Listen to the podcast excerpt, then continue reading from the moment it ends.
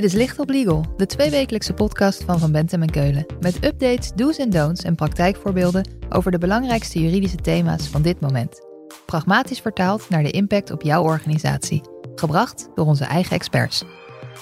Maak een noodplan. Denk vanuit uh, verschillende scenario's, zodat uh, je flexibel bent en in een driver's seat kan blijven zitten. Een bedrijf verkopen of overnemen is vaak een reden om de champagne open te trekken. Maar niet altijd, namelijk als een bedrijf in financiële nood verkeert. Met de huidige economische ontwikkelingen zal dat steeds vaker voorkomen. Zo'n distressed M&A-situatie heeft een geheel eigen dynamiek. Overnames onder druk. Daarover hebben we deze keer in Licht op Legal met Gijs van Rooyen. Hij stelt zich even voor. Ik ben Gijs van Rooyen, acht jaar werkzaam als advocaat. En ik zit bij Van Bentem en Keulen op de praktijkgroep Corporate M&A, waar ik me voornamelijk met M&A-transacties bezighoud. Gijs was daarnaast tijdens de vorige crisis werkzaam in de faillissementen- en herstructureringspraktijk en is dus de go-to person als het gaat om de gevoeligheden die komen kijken bij bedrijven in nood. Gijs, om af te trappen. Distressed M&A, wat is dat eigenlijk?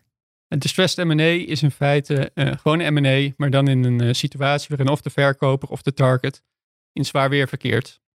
Uh, er is een transactie nodig om, om ademruimte te creëren, geld om schuldeisers af te betalen. En daarbij maken we eigenlijk onderscheid tussen verschillende typen distressed M&A, overnames binnen faillissement, overnames buiten faillissement en het herstructureren van schulden van de target. Vandaag zou ik het willen hebben over overnames buiten faillissement. We gaan het dus hebben over bedrijven die nog wel in leven zijn. Door COVID wordt er al heel lang gesproken over een economische crisis, of in ieder geval een economische crisis die eraan komt. Zijn er daardoor veel meer distressed M&A-situaties dan voorheen? Eh, de stortvloed aan distressed M&A-deals is, is, tot op heden uh, uitgebleven. En wat we zien is dat met name door de gigantische overheidssteun, zowel in de vorm van subsidies als in garanties op door banken afgegeven liquiditeitssteun, de crisis in feite vooruit wordt geschoven.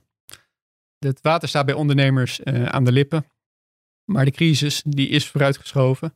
En de verwachting is dat als straks die, die overheidssteun wordt teruggedraaid, de duimschroeven worden aangedraaid, dat dan alsnog die stortvloed zou komen. Later dit jaar dus. De verwachting is dat COVID de M&A-praktijk dus flink zal opschudden. Maar zitten we niet eigenlijk al tientallen jaren in een doorlopende situatie van crisis? Tientallen jaren is erg lang, maar uh, zeker voor COVID uh, waren er al uh, omstandigheden die tot, naar verwachting tot dus een toename van distressed M&A leiden. Brexit, handelsconflicten, de technologische revolutie, decarbonisering. Allemaal oorzaken die naar verwachting de markt flink zouden gaan opschudden. En wat sommigen wel zeggen is dat COVID in die zin alleen maar dat proces zal versnellen, zonder dat het nu echt de oorzaak is van de distress bij veel bedrijven. En welke bedrijven gaan dan als eerste over de kop? Ja, dat zullen dan toch de ondernemingen zijn die hun zaakjes eh, niet zo goed op orde hebben.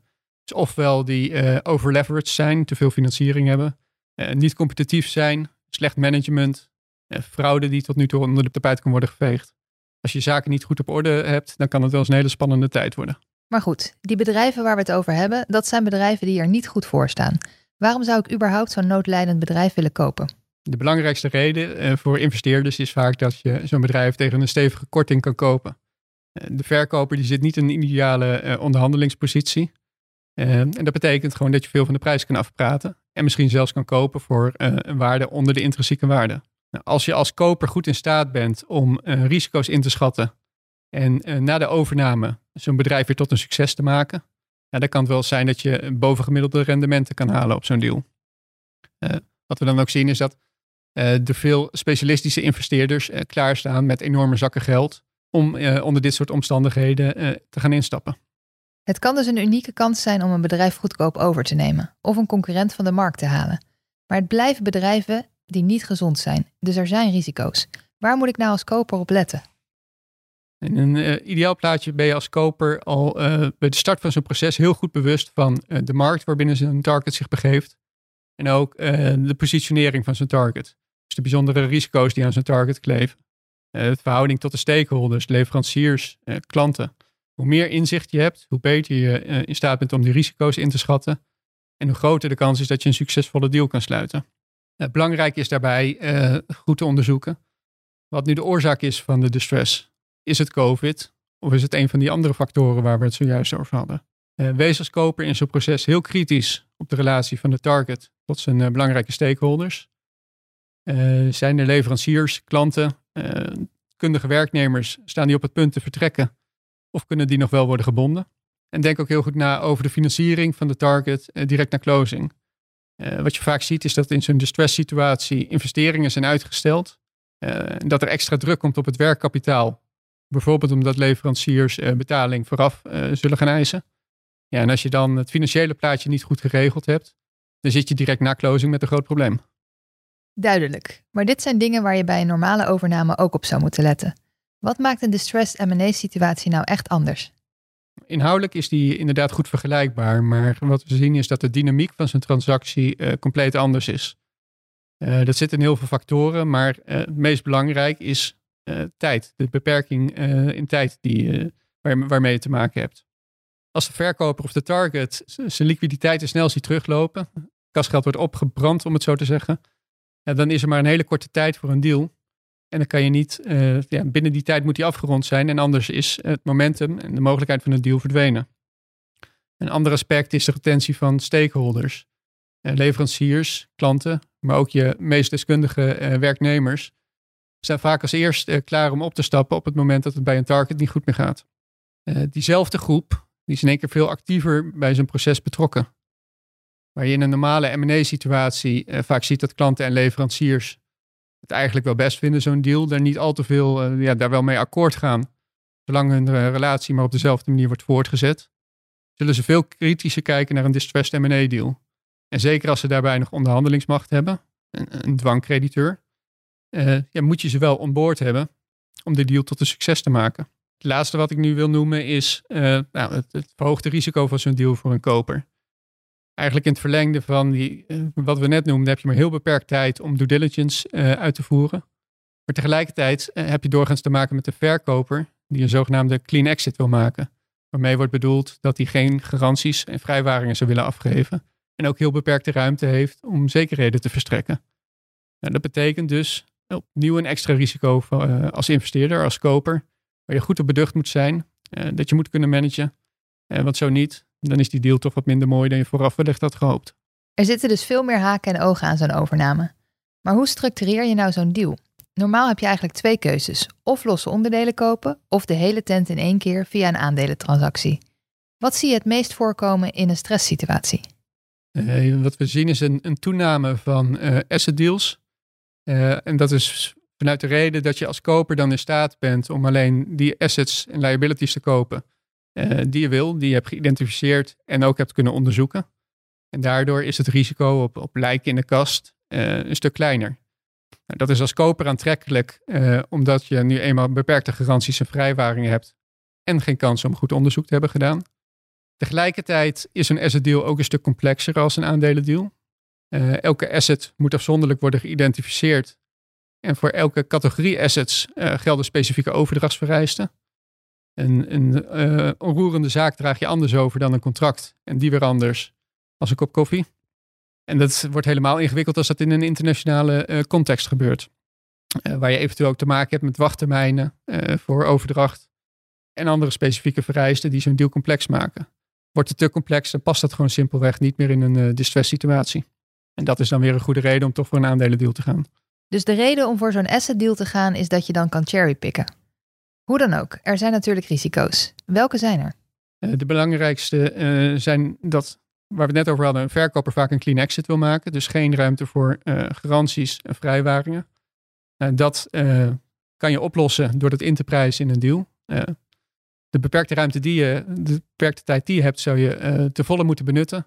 En is dat risico te managen, dan kan je een korting bedingen op de koopprijs. Uh, wat we overigens wel uh, zien en horen is dat er een toenemende bereidheid is van WNI-verzekeraars om ook onder uh, dit soort omstandigheden een verzekering aan te bieden waarmee garantierisico's kunnen worden afgedekt. Maar het minimum eis vanuit zo'n verzekeraar is toch dat er ja, wel enig DD is, heeft plaatsgevonden. En zeker als er echt een distress is, dus echt een hele korte periode beschikbaar voor een deal, ja, dan zal dit ook geen reële oplossing zijn. Een ander heel specifiek aandachtspunt in een distress situatie is uh, het zogenaamde Paulianen-risico. Uh, waarmee zoveel wordt bedoeld dat als je een transactie sluit uh, in het zicht van een faillissement en die blijkt achteraf benadelend te zijn voor de schuldeisers, En dan kan je in een faillissementsituatie er tegenaan lopen dat zo'n transactie wordt teruggedraaid. En als je als, als, als investeerder koper niet hebt gekregen waarvoor je hebt betaald, maar tegelijkertijd ook nog eens je koopprijs kwijt bent. In dat laatste geval moet je er dus op letten dat een bestuurder in het zicht van een faillissement geen gekke sprongen maakt die nadelig kunnen zijn. Maar wat moet ik nou echt onthouden? Laten we beginnen bij de verkoper. Wat we vaak zien is dat eh, ondernemers eh, van nature erg optimistisch ingestelde personen zijn. En eh, zolang die distress situatie in hun optiek uitgesteld eh, kan worden of nog niet eh, heel erg dreigend is, uh, ja, besteden ze daar niet die aandacht aan die wel al zou kunnen. En dan bedoel ik, uh, maak een noodplan. Denk vanuit verschillende scenario's. Zodat als onverhoopt zo'n distress situatie zich voordoet, je dat noodplan klaar hebt liggen. je het proces naar beste kunnen kan managen. Flexibel bent en in een driver's seat kan blijven zitten. Dat betekent, als je dat op zo'n manier kan aanpakken, zo'n proces, dat je maximale waarde kan genereren. Want in een distress situatie is, is, is vrij letterlijk te nemen dat tijd geld waard is. Dus hoe beter voorbereid, hoe meer geld. Uh, een ander belangrijk aspect is de identificatie van key stakeholders en hun belangen. wees van tevoren heel kritisch op wie de stakeholders zijn van een bedrijf, wat hun belang is bij een overname en wat hun macht is om zo'n proces te frustreren of juist te ondersteunen. Ja, en ga voor zover mogelijk met dat soort stakeholders in gesprek. Wat we uh, wel merken is dat transparantie richting de belangrijke stakeholders vaak heel goed helpt. Als, als een stakeholder denkt dat je de kaarten tegen het borst houdt of trucjes probeert uit te halen en ze verliezen het vertrouwen, ja, dan kan het zo zijn dat je momentum verliest en daarmee ook de hele deal kwijtraakt. Maar van de andere kant zou je kunnen zeggen dat het juist wel slim is om de kaarten tegen de borst te houden. Want als je transparant bent, dan vertraag je de boel, want dan gaat iedereen zich overal mee bemoeien. Uh, dat is heel erg de vraag. Uh, tuurlijk moet je geen eh, partijen die tot, uh, tot dusver niks wisten van zijn distress situatie inschakelen terwijl dat niet nodig is, informeren terwijl dat niet nodig is.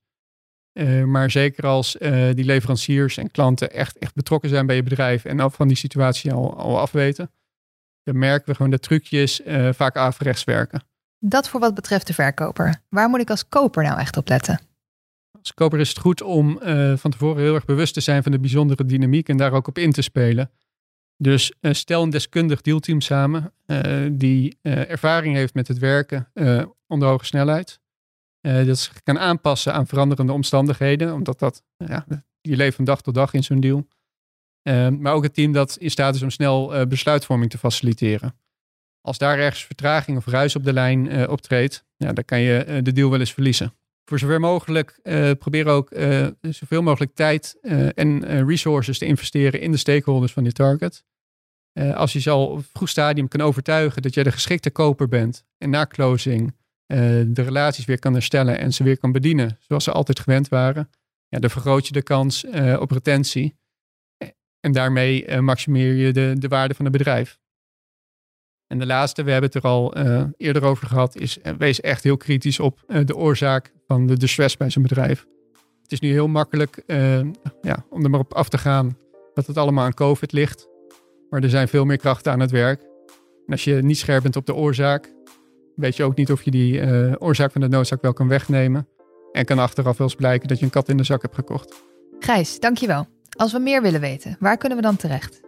Je kunt me altijd bellen of mailen. En mailen kan via gijsvanrooyen.pbk.nl Dit was Licht op Legal, een podcast van Van Bentem en Keulen. Te beluisteren via Spotify, Apple Podcast of je eigen favoriete podcast-app. Wil je meer weten? Heb je suggesties voor een onderwerp? Of wil je dat onze experts hun licht laten schijnen op jouw juridisch vraagstuk? Laat het ons weten via vbk.nl slash lichtoplegal.